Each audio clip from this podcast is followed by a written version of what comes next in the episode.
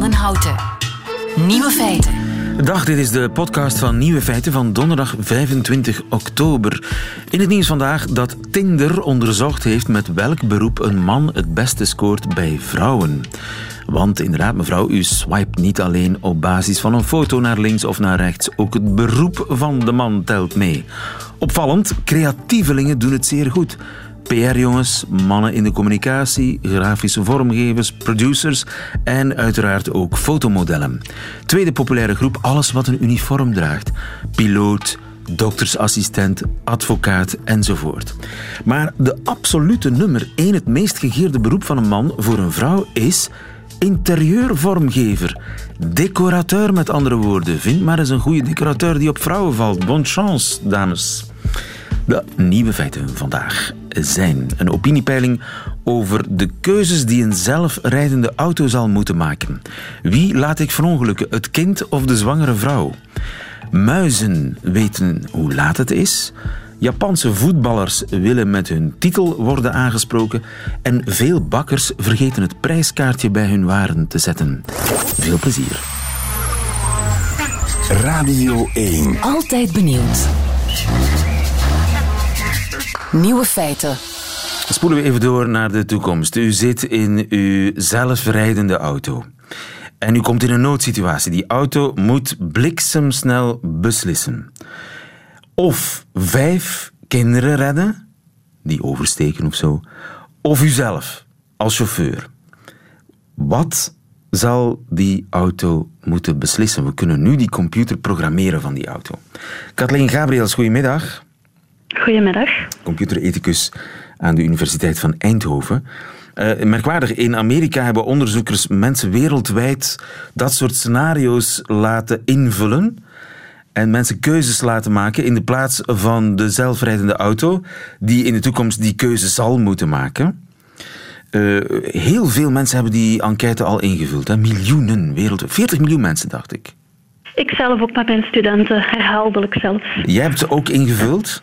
En dat, dat zijn uh, moeilijke kwesties, hè?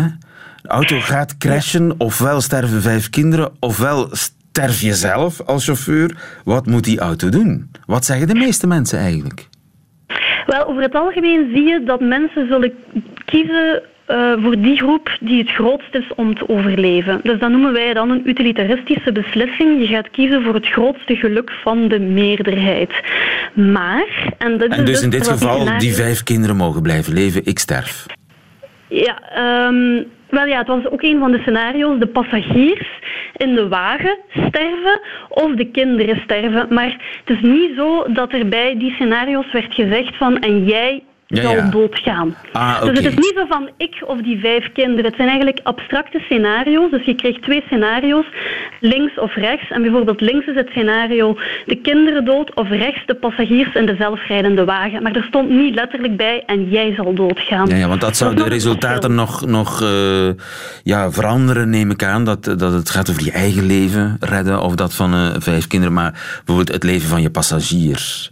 Uh, in die scenario's die voorgelegd werden, was het niet zo ofwel zij ofwel jij zelf. Ja, ja, ja, maar zelfs daarbij nog, um, stel je voor dat. Um, dat het scenario is uh, vijf kinderen redden uh, of uh, één kind dat toevallig jouw kind is. Dat was nu geen scenario dat ertussen stond. Ja, dan gaan mensen natuurlijk voor hun eigen kind kiezen. Dus dat is ook heel erg contextafhankelijk. Ja, ja. En als vervang die vijf kinderen door een dikke man? Mm ja dan uh, dat was ook een van de scenario's. Dus misschien is het ook wel interessant om te zeggen dat het een zeer interessante studie is voor moraalfilosofen. Hoe redeneren mensen, maar niet zozeer voor programmeurs van zelfrijdende, wagen, van zelfrijdende wagens. Dus je ziet inderdaad, uh, ze hebben die resultaten ook opgedeeld in verschillende clusters. Dus hoe denken mensen voornamelijk uit uh, Europa en Amerika over die scenario's? Hoe denken mensen uit Oosterse landen? Hoe denken mensen uit Zuiderse landen over die scenario's? En daar zie je hele interessante verschillen verschillen. Bijvoorbeeld in Oosterse landen vinden ze de, uh, het verschil tussen oudere mensen en jongere mensen heel belangrijk. Dat is een cultuur die veel, waardig, veel waarde hecht aan oudere mensen, veel meer dan onze cultuur. Dus bij, je zal zien bij mensen in westerse landen, zullen ze eerder zeggen, oké, die oudere mensen moeten dood en die jongere mensen moeten gered worden. Maar dan nog, en dit stond dus niet in die scenario's, als je dan zou verder vragen van, oké, goed, je zegt nu, die, uh, die jongere mensen mogen gered worden, maar wat als onder die oudere mensen jouw moeder zit? Dat is uh, ook een heel andere situatie natuurlijk. En wat als die bejaarde vrouw door het rood stapt bijvoorbeeld en eigenlijk een ja. fout begaat en daardoor het ongeval veroorzaakt?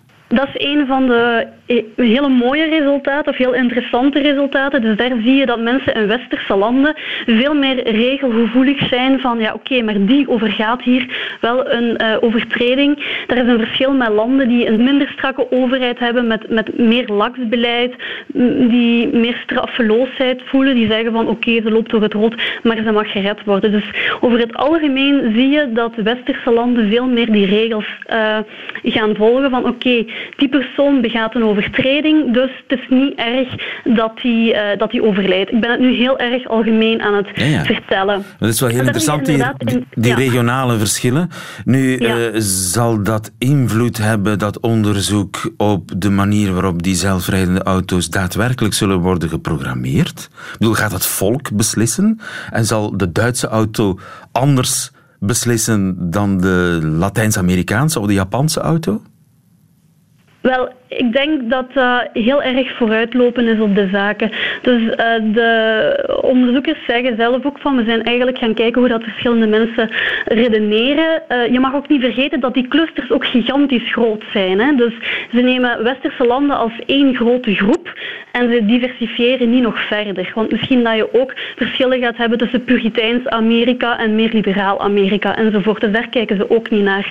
Nu, ik denk dat uh, dat, dat heel gevaarlijk is om rekening te houden met die verschillen. Ze zeggen dat wel in het artikel van kijk, er zijn landen die het veel belangrijker vinden om oudere mensen uh, te redden dan uh, jongere mensen. Je moet daar rekening mee houden. Ten eerste denk ik dat dat absoluut niet wenselijk is. Want wat dan met landen die bijvoorbeeld uh, vinden dat homoseksuelen inferieur zijn? Ah ja. En ten tweede, het is, we zijn hier heel erg aan het vooruitlopen op de zaken. Nogmaals, Rijdt die Jeannette maar dood? Ja, het, het is ja. denkbaar hè, dat, dat, dat in bepaalde markten, zelfrijdende auto's voor bepaalde markten, ja, die instructie meekrijgen. Dat is toch ongelooflijk? Kijk, wel, ik zou het niet enten op die instructie, maar ik kan me wel voorstellen dat als dat scenario ertussen had gezeten, dat je daar ook wel verschillen zou zien. Ja. Maar de algoritmes moeten nog uh, geschreven worden en uh, er moeten een paar uh, moeilijke knopen doorgehakt worden. Zoveel is duidelijk. Dankjewel in Eindhoven voor ons. Kathleen Gabriels, goedemiddag. Radio 1. Nieuwe feiten. Wat kost een eclairke? Dat is niet altijd even duidelijk, want ongeveer de helft van de bakkers die vergeet al eens het prijskaartje op brood of eclairs of gebakjes of wat dan ook. Linda Schippers, goedemiddag. Goedemiddag. Linda Schippers van Bakkerij Steenakkers in Lier. De economische inspectie is er niet blij mee. Bakkers worden steeds lakser in het uh, afficheren van hun prijzen. Hoe komt dat?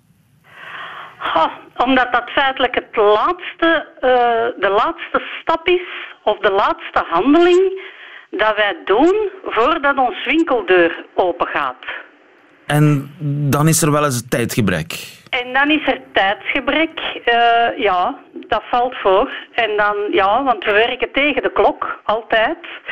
En uh, ja, het zijn dagelijks verse producten die iedere dag terug moeten uh, een prijskaartje krijgen. Iedere dag opnieuw weer een ander prijskaartje? Nee, nee, nee, nee. Terug ja, het prijskaartje bijzetten van het product uh, dat je in, de winkel, in, uh, in je uh, winkeltoog zet. Um, en ja, zijn, zijn dat niet vaste bakken, vaste plaatsen waar dat gebakje en, en die kadetjes en dat brood... Kun je dat etiket dan niet laten staan? Of, nee, ah. nee, nee, nee. wij laden ook alle dagen de winkeltoog uit. Uh, want nogmaals, het zijn verse producten, dus elke dag opnieuw wordt die toog teruggevuld en dat broodtrek teruggevuld. En uh, er niet altijd heeft alles een juiste plaats. Dus de plaats verandert al eens. En dan ja, moet het prijskaartje mee verplaatst worden. Betekent dat dat je eigenlijk uh, kunt vragen wat je wil? Want de klant weet het toch niet? Nee, nee, nee, nee. Uh, nee, nee. Uh, zo, zo werkt het niet. Um, de meeste bakkers hebben ook een uh, kassasysteem waar dat hun prijzen ingeprogrammeerd zijn. Dus een klant kan perfect vragen wat kost dat te klerken. En dan, ja, je hebt dat, iedere dag is dat terug dezelfde prijs. Ja. Of de grondstoffen moesten opslagen, of de lonen moesten opslagen. Ja, dan slaagt dat Eclerke natuurlijk mee op. Hè. Ja, maar de prijs van een Eclerke, de meeste bakkers kennen dat uit het hoofd. Zoals ja, voor alle zeker. mogelijke En de winkelbediendes ook. Hè. Ja. en uh, komt er vaak inspectie over de vloer om te checken of die prijskaartjes wel uh, staan en kloppen? Uh, nee, eerlijkheid gebiedt mij om te zeggen dat dat niet het geval is. wij hebben 40 jaar een bakkerij. En ik denk dat wij drie keer uh, controle hebben gehad op uh, prijzen. Um, en de eerste keer krijg je een waarschuwing als je prijszetting niet in orde is. Ja. Uh, en dan moet je kijken, ja, dan moet je je in orde maken. Hè. En zijn er soms klanten die, die vragen waarom, waar het prijskaartje is gebleven?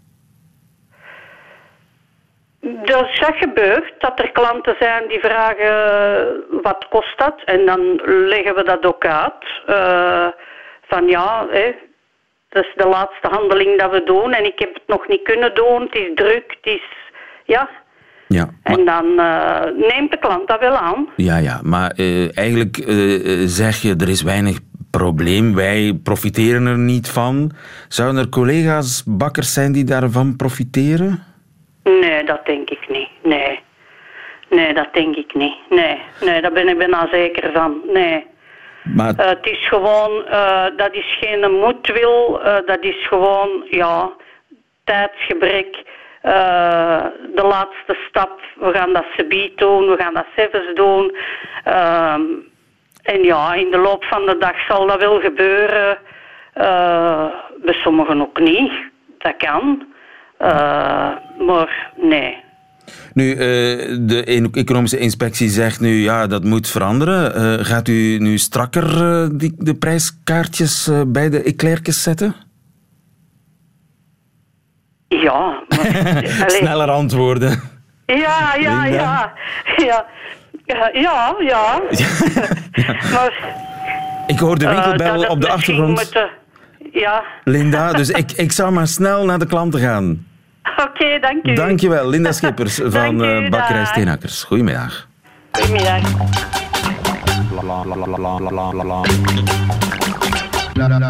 Nieuwe feiten. Het is drie minuten over half één, maar weet uw kat dat eigenlijk wel? Weet uw kat hoe laat het is? Wel een nieuwe studie die uh, lijkt daarop te wijzen. Hans van Dijk, goedemiddag. Goedemiddag, lieven. Bioloog aan de UCL. Uh, dieren hebben die besef van tijd. Om dat te checken hebben wetenschappers experimenten gedaan met muizen. Wat hebben ze die muizen aangedaan? Ja, heel wat, maar toch wel om heel wat nieuwe dingen te leren. Hè. Dat is het grote opzet zeg maar, eh, van, van, van wetenschap. En of de kat het kan, dat weten we nu nog niet, want er is gewerkt met muizen. Maar dat idee van tijdbesef, het herinneren van waar ze aan toe zijn, is wel belangrijk. Want tot nu toe hebben de meeste studies zich gericht bij dieren op het herinneren van plaatsen, zeg maar op een ruimtelijk geheugen. Bijvoorbeeld, er is heel wat onderzoek gedaan over het brein van vogels. En ik denk dan aan gaaien die zaden verstoppen. Die is, dan is het wel nuttig om te weten waar je je voedsel verstopt als je een aantal weken later in de winter die eikels of die zaden terug wil vinden. En dan zie je bij die soorten bijvoorbeeld dat in hun brein, ze hebben daar een bepaald deel, men noemt dat hippocampus, hebben mensen misschien al wel eens van gehoord. Een heel specifiek deel in het brein dat dat geheugen, dat plaatselijk, dat ruimtelijk geheugen. Het ruimtelijk geheugen. Maar nu blijft de vraag, want dat is minder onderzocht, hebben dieren ook een tijdsgeheugen? Weten ze, hebben ze besef van tijd? Er was een vermoeden misschien dat die hippocampus daar ook een rol bij speelt, maar deze wetenschappers, Amerikanen, zijn vooral gaan kijken naar een ander deeltje van de hersenen dat er wel helemaal tegen aanschurkt. Het zit in de hersenschors, dus de cortex. En in dat deeltje hebben ze dus inderdaad gevonden dat er een aantal cellen zitten, neuronen met een duur woord, dat zijn zenuwcellen, hersencellen, die kennelijk heel specifiek gaan oplichten, actief zijn, wanneer het dier, het muisje in, deze, in het bijzonder, tijdselementen opdoet. En hoe gaat dat in zijn werk? Want dat kan je wel allemaal zo mooi uitleggen, maar ze hebben een heel ingenieus systeem bedacht. Ja. Ze laten de muis, de proefmuis, lopen op een uh, soort draaimolentje. Niet in die draaimolen, maar ze zetten die muis erbovenop. Je moet het je proberen voor te stellen, lieve. En dan gaat de muis in een soort gamingwereld, een soort virtuele realiteit. Het zit voor een scherm waar dat de onderzoekers de muis kunnen prikkelend signalen geven van kijk, hier moet je doorlopen. De muis krijgt het beeld van een soort pad waar het moet doorlopen. Totdat het aan een soort deurtje komt waar ze moet wachten. En dat kunnen ze manipuleren. Dus door die beelden te veranderen gaat die muis rennen en op een gegeven moment kan ze getraind worden van kijk, als ik dat zie, moet ik even wachten. Dat hebben ze een aantal keren gedaan tot de muis daarmee weg zijn. De ene leert dat wat sneller dan de andere. Maar dan veranderen ze het spel en is eigenlijk op een gegeven moment er geen obstakel meer, geen deur. En moeten ze wachten, een bepaalde tijd afwachten. Net zoals wij bij de dokter moeten wachten in de wachtzaal, moest die muis een aantal en heel precies zes seconden wachten eer ze weer verder kon. Dus eigenlijk een gesloten deur, maar ze ziet die deur niet opengaan. Het enige dat ze moet doen is wachten tot ze net genoeg wacht, zes seconden of wat langer. En dan mag ze weer doorrennen in haar virtuele wereld. Dus op den duur bleek dat die muis beseft wat zes seconden is. Ja, besef, dat is nog nu niet genoeg om alleen die muis te laten rennen en zien wachten. Wat ze dan gedaan hebben is, ze hebben ook met een heel speciale microscoop, dat is high-tech, dus moderne technologie, kunnen ze kijken in het brein op het niveau van die cellen, van die neuronen. En ze zien die oplichten, hè, daar worden allerlei technieken voor gebruikt om daar met eh, kleurstoffen, een soort fluoriserend materiaal, zien ze dan die activiteit oplichten en kunnen ze zien of bepaalde heel specifieke hersencellen alleen maar oplicht als die muis zit te wachten, dan wel wanneer ze aan het rennen is. En ze zien inderdaad dat er een soort apart circuit oplicht wanneer ze aan het wachten, wanneer, het aan het af, wanneer ze aan het afwachten is met de verwachting van kijk, uh, straks kan ik hier dan, dan doorlopen. Ja, ja, dus dit ja, sterkte idee dat dieren niet in een soort uh, eeuwig nu leven, maar wel degelijk een soort tijdsgeheugen hebben. Nee, ja, dat klopt. En dat is natuurlijk ook belangrijk wanneer dieren uh, aan planning doen. Dus zeg maar van kijk, nu doe ik dit en nu wacht ik op een andere zaak. En vaak hadden mensen het gevoel, ja, maar zijn we hier nu geen menselijke kenmerk aan het projecteren naar dieren? Maar we mogen dan niet vergeten dat ons brein in vele opzichten, er zijn veel verschillen met het brein van een muis, maar de basisstructuur en vele functies die daaraan vasthangen, zijn toch wel erg gelijkend. En je ziet dan ook dat het tijdsbesef, het omspringen met tijd, het wachten registreerbaar is ter hoogte van heel specifieke circuits in het brein, in dat bepaalde deel van de, van de hersenen. Dus ook daar hebben ze heel wat uh, nieuwigheden kunnen ontdekken, hoe ze omspringen met dat tijdsbesef. Dus stel, ik ben later thuis dan gewoonlijk, mijn hond die thuis heeft zitten wachten, die heeft dat door. Ja, absoluut. Dus, dus door wat we alleszins wat deze studie heeft kunnen aantonen, is dat er brein, heel specifieke breinactiviteit is, die alleen gaat oplichten op een heel specifieke manier wanneer het dier zit af te wachten, zeg maar. In hoeverre dat dat helemaal naar het bewustzijn gaat en zover dat verder weer uh, verder onderzoeken. Je weet, wetenschappers zijn daar voorzichtig in. De zwaar bewijs is iets dat... Je, het is een begin van een bewijs en we weten ook niet hoe lang die klok kan tikken, die wachtklok. Is toch wel straf en het zet de deur opnieuw weer open, al dan niet de virtuele deur, maar toch naar verder onderzoek, om toch een aantal straffen te drukken, ook bij die muizen. En dat zet dan de deur open naar andere dieren. Dus misschien dat we straks dat ook van jouw kat of hond beter zullen begrijpen, hoe dat zij afwachten wanneer je te laat bent met hun lekkers en dat soort dingen. Ja, hoe meer we van dieren weten, hoe sterker ze op ons beginnen te lijken. Hans van Dijk, goedemiddag. Dankjewel. Nieuwe feiten. Mocht Jan Vertongen een Japanse voetballer zijn, dan zou u hem niet zomaar met Jan mogen aanspreken, zelfs niet met meneer Vertongen. Goedemiddag, Luc van Houten. Goedemiddag. Luc van Houten, Japanoloog. Tomoaki Makino, dat is zowat de Japanse versie van Jan Vertongen. Op Twitter maakt hij zich heel boos omdat zijn fans hem niet beleefd genoeg aanspreken. En zijn boze tweet daarover die is al 20.000 keer geliked en bijna 5.000 keer geretweet. Kennelijk heeft die boodschap, die boosheid, toch een snaar geraakt in Japan. Ja, dat is uh, blijkbaar een gevoelig onderwerp nog steeds. Uh, het tonen van het juiste respect in de sociale omgang. Ja. Maar wat had die onbeleefde fan dan wel niet tegen meneer de voetballer gezegd?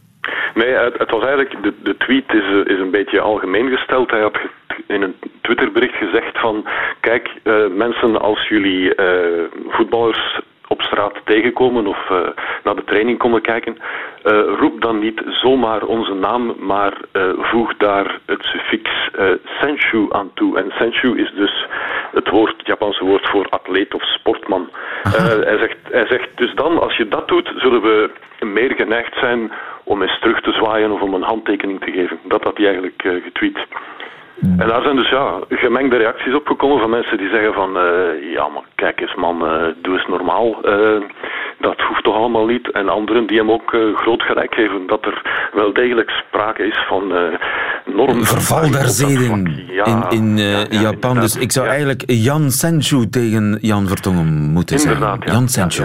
En dat geldt alleen voor professionele sporters? Uh, nee, nee, well, het is te zeggen, ik bedoel, Senju is nu het woord voor sportman. Uh, het zit zo, in de Japanse samenleving is uh, belangrijker dan de naam is eigenlijk jouw functie, jouw status, jouw positie. En dat gaat nog terug op het Confucianisme, waarin een strikte hiërarchie was binnen de samenleving. Dus het was belangrijk voor mensen om meteen te weten of iemand boven of onder hen staat in... de Duitsers hebben dat ook zo'n beetje, hè? dokter, zeggen ze. Ja, ja, bij ons natuurlijk, ja, dat is niet, niet, niet uniek of, of, of zelfs niet typisch voor, voor Japan. Bij ons zeiden ze ook uh, meneer de dokter uh, en professor. Eh, ja, maar er zijn landen waarin in Duitsland wordt, wordt de doctoraatstitel ook erbij vermeld. Ja, ook al is dat geen dokter in de, in de, in de medische hm. sfeer. Uh, dus Duitsland is daar ook zeer gevoelig aan. Japan nog, nog, nog veel sterker. Daar ga je echt sterker, ja. in de naam al het beroep, bij wijze van spreken. Ja, dat stoppen. heeft dus het, inderdaad, dus ook op het werk uh, zul je je baas niet bij zijn naam noemen meestal, maar je zult hem gewoon baas noemen. En Shacho uh, is dan de, de, directeur van het bedrijf, de Butcho is het afdelingshoofd. En zo spreken die mensen ook aan. En dat gaat dus vrij ver. Ook collega's bijvoorbeeld, uh, die langer bij het bedrijf zijn. En dat betekent meestal ook dat ze ouder zijn, want de senioriteit ja. is ook nog steeds... Uh, de seniors. ja, dat dus tegenwoordig, hè? Ja. ja. dan noem je hem ook... Uh, dus een jongere werknemer zal een oudere werknemer niet bij zijn naam noemen, maar senpai, wat dus gewoon betekent een oudere collega. Ook bij studenten is dat zo. Iemand die in het derde jaar zit, zal iemand in het vierde jaar senpai noemen. En dat blijft ook zo. Hè. Zelfs als die mensen 60 jaar oud zijn en die komen elkaar nog eens tegen, dan noemt die jongere nog altijd die oudere senpai. Dus die, die relatie blijft zo. Ja ja. ja, ja. Ja, ja, Zoals ik ooit, ik heb ooit uh, iemand die ooit woordvoerder was van iemand die premier was. Na afloop was al lang geen woordvoerder meer, was al lang geen premier meer. Die blijft premier zeggen. Ja, ja, ja, ja. Maar ik heb dat zelfs ook nog gehad met, met zo professoren van aan de universiteit. Dat ik moeite had om die na twintig jaar zelfs dan bij hun naam, of ja. zelfs bij hun voornaam te Maar sporters hebben een achtervoegsel bij hun naam. Zijn er zo nog achtervoegsels voor bepaalde functies? Ja, ja, ik bedoel, uh, dus de, de meest bekende is natuurlijk sensei. Hè? Dus een, uh, een dokter wordt sensei genoemd, een professor wordt sensei genoemd. Dus dan wordt ook bij die naam gevoegd. Um, dan mocht, mocht je arts zijn, dan zou ik Luc Sensei zijn. Ja, Luc Sensei of, of, of ook uh, bij een leraar. Uh, en dat blijft ook. Dus mensen zeggen ook niet dokter die of die, maar zeggen gewoon Sensei of de naam met Sensei erbij. En die Tomoaki Makino die wil eigenlijk dat supporters op het veld ook die, die titel bij de naam voegen als ze hem scanderen. Ja, het is natuurlijk... Ik heb, als je kijkt naar de Twitter-account van uh, Makino Senshu, zoals we hem dan maar zullen noemen, ja, daar staan vier samurai op. dus ik vermoed dat Makino zo nog iemand is die, die wel staat op dat soort traditionele respect. Want ik, toevallig gisteren, toen dat in het nieuws kwam, had ik de broer van... Yuya Kubo op bezoek. Uh, dus de voetballer die tot voor kort bij A-agent speelde en nu naar, naar Nuremberg is verhuisd in Duitsland. Die is jonger dan Makino. En die zei, zijn broer zei ook van ja, Julia zal het helemaal niet erg vinden dat ze gewoon uh, Kubo roepen of, of Julia roepen. Dus het hangt ook een beetje van de persoon af. Het hangt van de persoon af. Van de, leeftijd af. Ja, van, van de leeftijd. Het... Maar je ziet dat ook aan die reacties op dat Twitterbericht van, uh, van Makino Senshu, dat er ook mensen zeggen van man, doe niet zo belachelijk, wat, uh, in welke tijd leef je? Hè? Ja. Dus het, het, het, is ook aan het veranderen natuurlijk. Dus dit zegt iets over het Japan van vandaag, een Japan in transitie. Ja, ja, ja, zeker en vast. Allee, zo, zoals bij nog wel wat andere dingen in Japan gebeuren die evoluties niet altijd gelijktijdig uh, als bij ons. Maar de, je ziet ook natuurlijk uh, dingen veranderen. In, in, sommigen wijten dat dan wel aan de verderfelijke westerse invloed. Maar uh, dus, ja, die dingen bij de jongere generatie is dat onvermijdelijk dat die ook minder rekening houden met al die traditionele hiërarchische... Ja, en een radiopresentator, heeft hij een eigen titel? In het Japans? Uh, nee, bijna weten niet. Nee. De radiopresentator... Uh, Ganz unten. Specifiek Presentator, nee, zoiets. ja, binnen, binnen de VRT zou je normaal ook wel die hiërarchie dan hebben. En, en zou iemand jonger dan jou je dan uh, ja. lieve senpai of zelfs sensei noemen. Ja, en jij kan de andere dan, de jongere kan jij dan met, met bijvoorbeeld het suffix kun, wat een, een okay. voor jongere... Ik zei wel eens millennial tegen een uh, jongere collega. Dat ja, snappen ze meestal ah, ja, ja, Luc van Houten, dankjewel. Goedemiddag. Okay, ja, dag. Nieuwe feiten. Middagjournaal. Ik stond naast een doos met gratis kweeperen. Ik had al één kweeper thuis, maar één kweeper is niet alleen niet lekker, maar ook totaal nutteloos. Je moet er genoeg hebben om een taart te maken en om de kweepeer een doel in haar leven te geven. Ik begon het fruit te pakken en zag dat er op het bord de woorden gratis kweepeer stonden. Niet kweeperen, maar kweepeer, enkelvoud. Was het de bedoeling dat mensen maar één gratis kweepeer per persoon mogen pakken? Had de kweepeerboer dit gewoon gedaan als promotie? Eerst de kweepeer gratis, maar dan moet je naar de winkel gaan om er meer te kopen. Een beetje zoals een crackdealer, maar dan met kweeperen. Ik keek rond mij. Er was niemand te zien, maar je bent tegenwoordig van niks zeker. Er kon een drone ergens in de lucht zijn die de kweepeerboer gebruikt om dieven te fotograferen. Mevrouw Steel, ik ben niet onnozel. Op het bord staan er gratis kweepeer. Niet kweeperen. U gaat onmiddellijk naar de gevangenis. Maar ik had geen keuze. I was in too deep. Ik voelde mijn tas met wat voelde als 300 kilo kweeperen en ging terug naar huis. Ja, ik ben gewoon met mijn hond aan het wandelen. Oh, deze sporttas? Plastic zakjes. Uh, voor de hond, ja, ze is een grote hond. het was mogelijk dat de kweepeerdrone mij niet had gezien. Het was ook mogelijk dat hij niet bestond. In elk geval kwam ik thuis met een tas vol kweeperen en klaar om een taart te maken.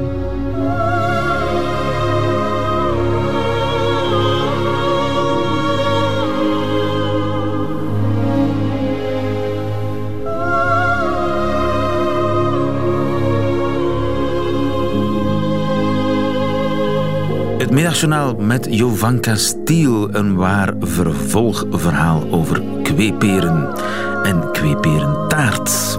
Meteen het einde van deze podcast, maar u vindt er nog veel meer op radio1.be en op de gebruikelijke podcastkanalen. Tot volgende keer.